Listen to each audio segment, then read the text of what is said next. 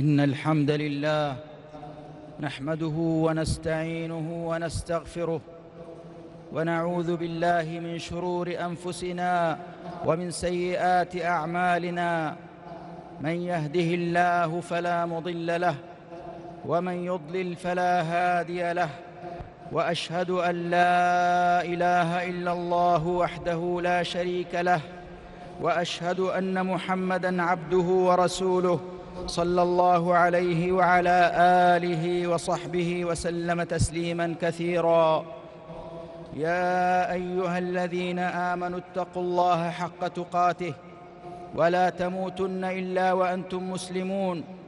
يا أيها الناس اتقوا ربكم الذي خلقكم من نفس واحدة وخلق منها زوجها وبث منهما رجالا كثيرا ونساء.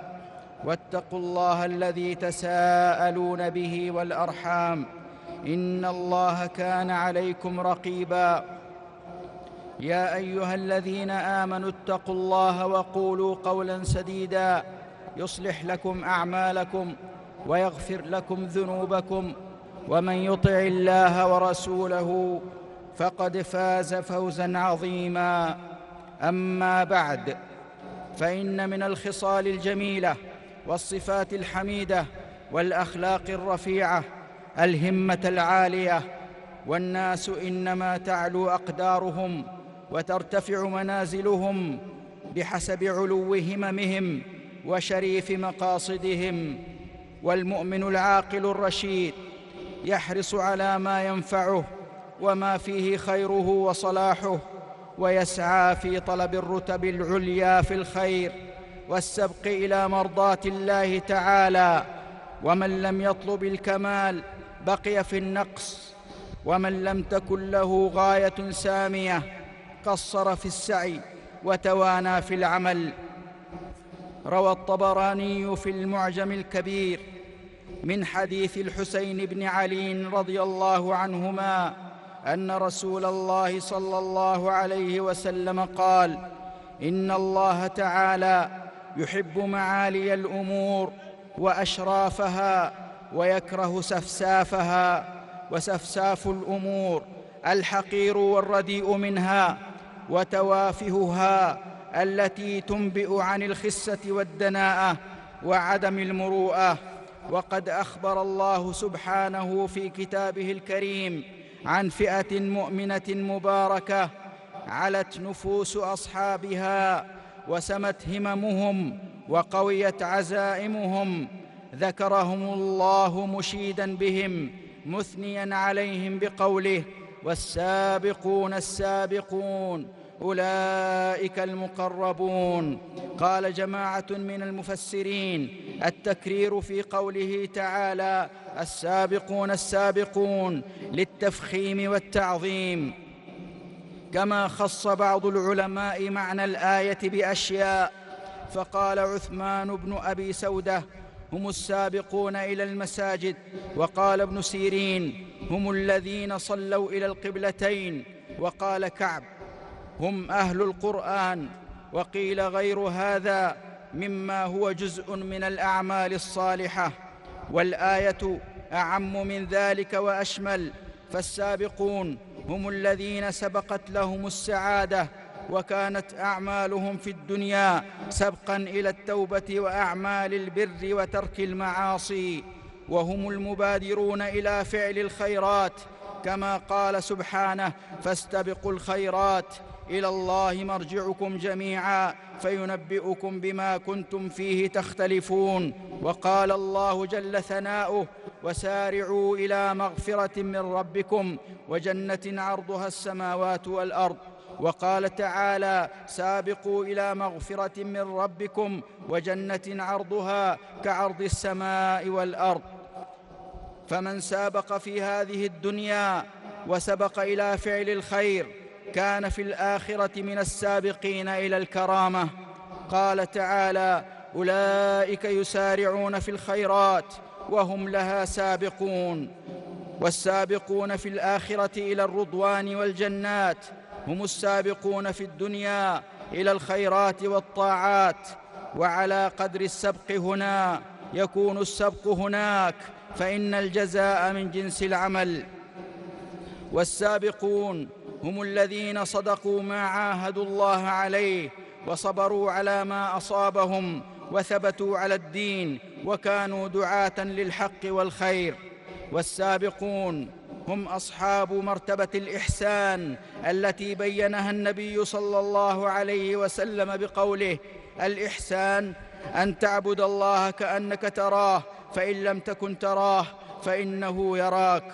والسابقون هم الذين وحدوا الله ولم يقع في عملهم شرك ثم أدوا الفرائض والواجبات وزاد نشاطهم فأدوا النوافل والمستحبات زيادة على الواجبات وسارعوا إلى مرضاة الله بأداء النوافل وتركوا المحرمات واجتنبوها وزادوا على ذلك فتركوا المكروهات كراهة التنزيه وتركوا أيضا فضول المباحات فلم يتوسعوا فيها خشية الوقوع في المكروهات والمحرمات.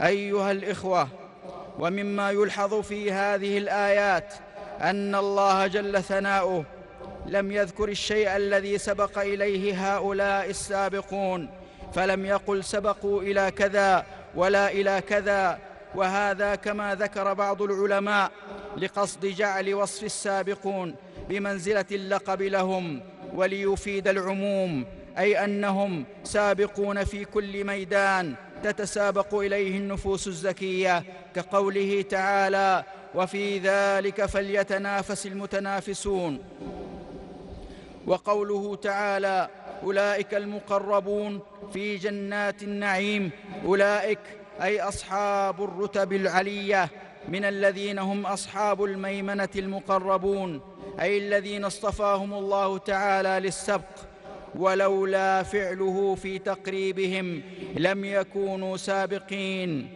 وهؤلاء السابقون في أعلى الجنان وأعلى الجنان أقرب إلى الرحمن لأن الفردوس وهو أعلى درجات الجنة فوقه عرش الله عز وجل.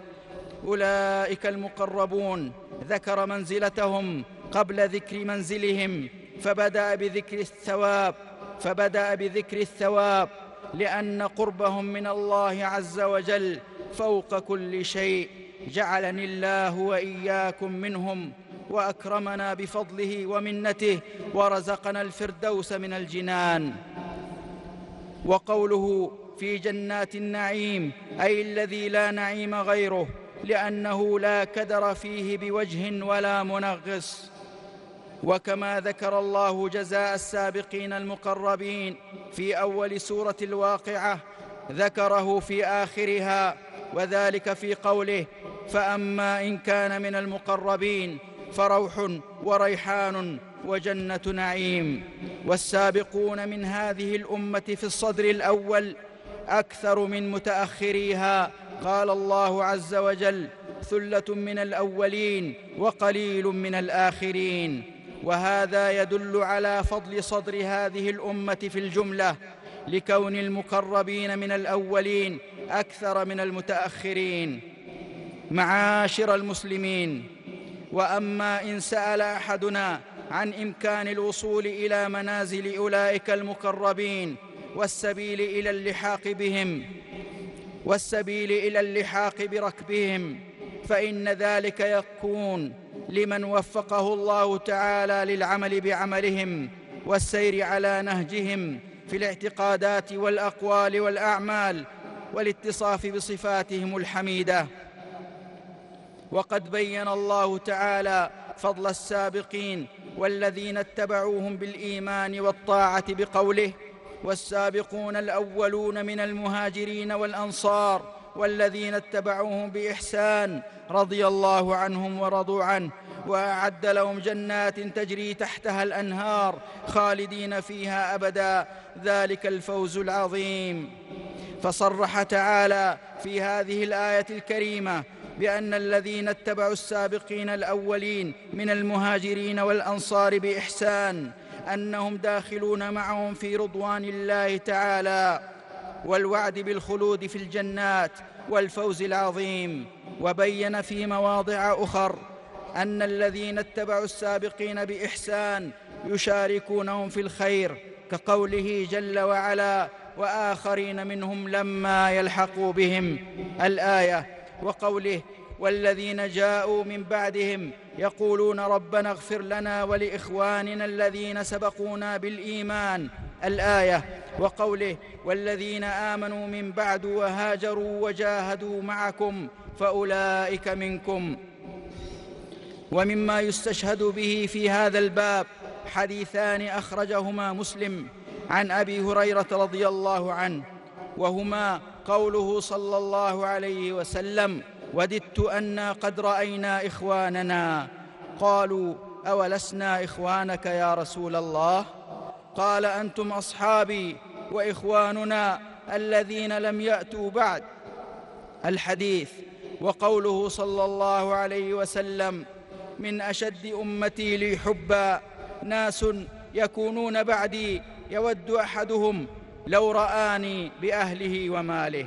فانظر عبد الله مدى حب النبي صلى الله عليه وسلم لأمته وتمنيه رؤية أتباعه الذين أتوا من بعده ممن صدق في محبته وبرهن على ذلك بالتمسك بسنته واتباع هديه والثبات على دينه. وما أعظم أن يعمل المرء بعمل أولئك الأخيار الذين وصفهم الله تعالى بقوله أولئك يسارعون في الخيرات وهم لها سابقون أي يسارعون في الطاعات والعبادات كي ينالوا بذلك أعلى الدرجات والغرفات. فسابق عبد الله إلى ما ينفعك ونافس في طلب العلا.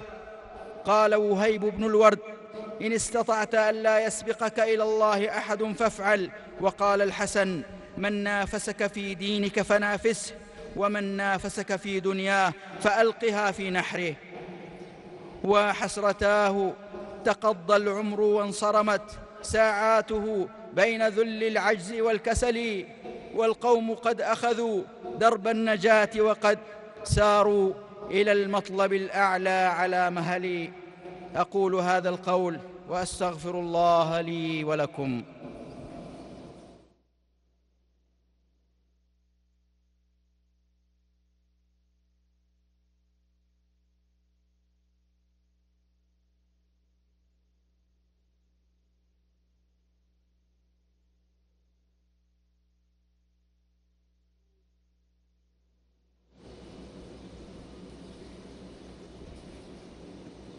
الحمد لله ولي المتقين والصلاة والسلام التامان الدائمان على رسول الهدى وإمام التقى المبعوث رحمة للعالمين وعلى آله وصحبه وتابعيهم بإحسان إلى يوم الدين وأشهد أن لا إله إلا الله وحده لا شريك له وأشهد أن محمدا عبده ورسوله وخليله وصفيه أقوى الناس عزما وأكثرهم تقوى وحزما وأسبق وأسبق العباد إلى الخيرات وأسرعهم في فعل الصالحات.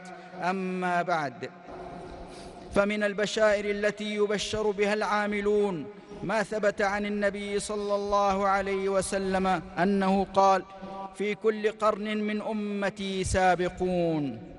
رواه أبو نعيم في الحلية رواه أبو نعيم في الحلية عن ابن عمر رضي الله عنهما وهو حديث حسن.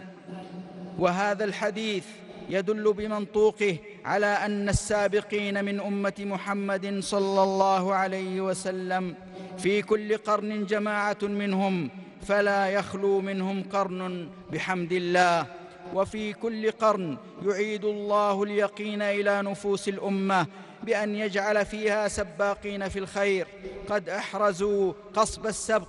لا يبالون بالمحن يتأسى الناس بهم. وعلى هذا سيبقى في كل قرن صديقون وشهداء وصالحون بإذن الله تعالى. وفي هذا حث للمرء وهو في سيره إلى مولاه أن يشحذ همته ويطلب العوالي وينشد المعالي ويسعى لها سعيها وفي المقابل لا يرضى بالدون ويستسلم للضعف والهون. قال ابن القيم رحمه الله اعلم أن العبد إنما يقطع منازل السير إلى الله بقلبه وهمته لا ببدنه. والتقوى في الحقيقة تقوى القلوب لا تقوى الجوارح. قال الله تعالى ذلك ومن يعظم شعائر الله فإنها من تقوى القلوب. فالكيس يقطع من المسافة بصحة العزيمة وعلو الهمة وتجريد القصد وصحة النية. مع العمل القليل أضعاف أضعاف ما يقطعه الفارغ من ذلك. مع التعب الكثير والسفر الشاق فإن العزيمة والمحبة تذهب المشقة وتطيب السير والتقدم. والسبق إلى الله سبحانه وتعالى إنما هو بالهمم وصدق وصدق الرغبة والعزيمة فيتقدم صاحب الهمة مع سكونه صاحب العمل الكثير بمراحل فالسير سير القلوب والسبق سبق الهمم. عباد الله أصحاب الهمة العالية يجودون بالنفس والنفيس في سبيل تحصيل غايتهم وتحقيق بغيتهم لأنهم يعلمون أن المكارم منوطة بالمكاره وأن المصالح والخيرات واللذات والكمالات كلها لا تنال إلا بحظ من المشقة ولا يعبر إليها إلا على جسر من التعب. والمؤمنون طلاب المراتب العلى يطمحون إلى أعلى ما في الجنة وهو الفردوس الأعلى وهذا هو الذي أرشدنا إليه رسولنا صلى الله عليه وسلم إذا سألنا الله الجنة أن نسأله الفردوس. وهذا يدل على أن الفردوس فوق جميع الجنان. ولذا قال صلى الله عليه وسلم تعليما للأمة وتعظيما للهمة. فإذا سألتم الله فاسألوه الفردوس. أيها الإخوة إن السائر على طريق السابقين عبد أبي فريد يعلم أن الخيرية لا تنقطع في هذه الأمة وهو متبع لمنهج الرسول صلى الله عليه وسلم ومتمسك بدينه وقلبه معلق بالآخرة لا يعيش من أجل نفسه ولا من أجل شهوته ولا من أجل رغباته بل يعيش من أجل دينه ومن أجل أمته. يحمل هم الدين ويعمل ما بوسعه من أجل نصرته ولا ييأس لما يحل بالأمة من المصائب والنكبات بل هو صامد ثابت متفائل متيقن أن النصر والتمكين لهذا الدين وأن الغلبة والعاقبة لأولياء الله المتقين. ألا وصلوا وسلموا رحمكم الله على النبي المصطفى والرسول المجتبى كما أمركم بذلك ربكم جل وعلا. فقال تعالى قولا كريما إن الله وملائكته يصلون على النبي. يا أيها الذين آمنوا صلوا عليه وسلموا تسليما. اللهم صل على محمد وعلى آل محمد وعلى أزواجه وذريته كما صليت على آل إبراهيم وبارك على محمد وعلى أزواجه وذريته.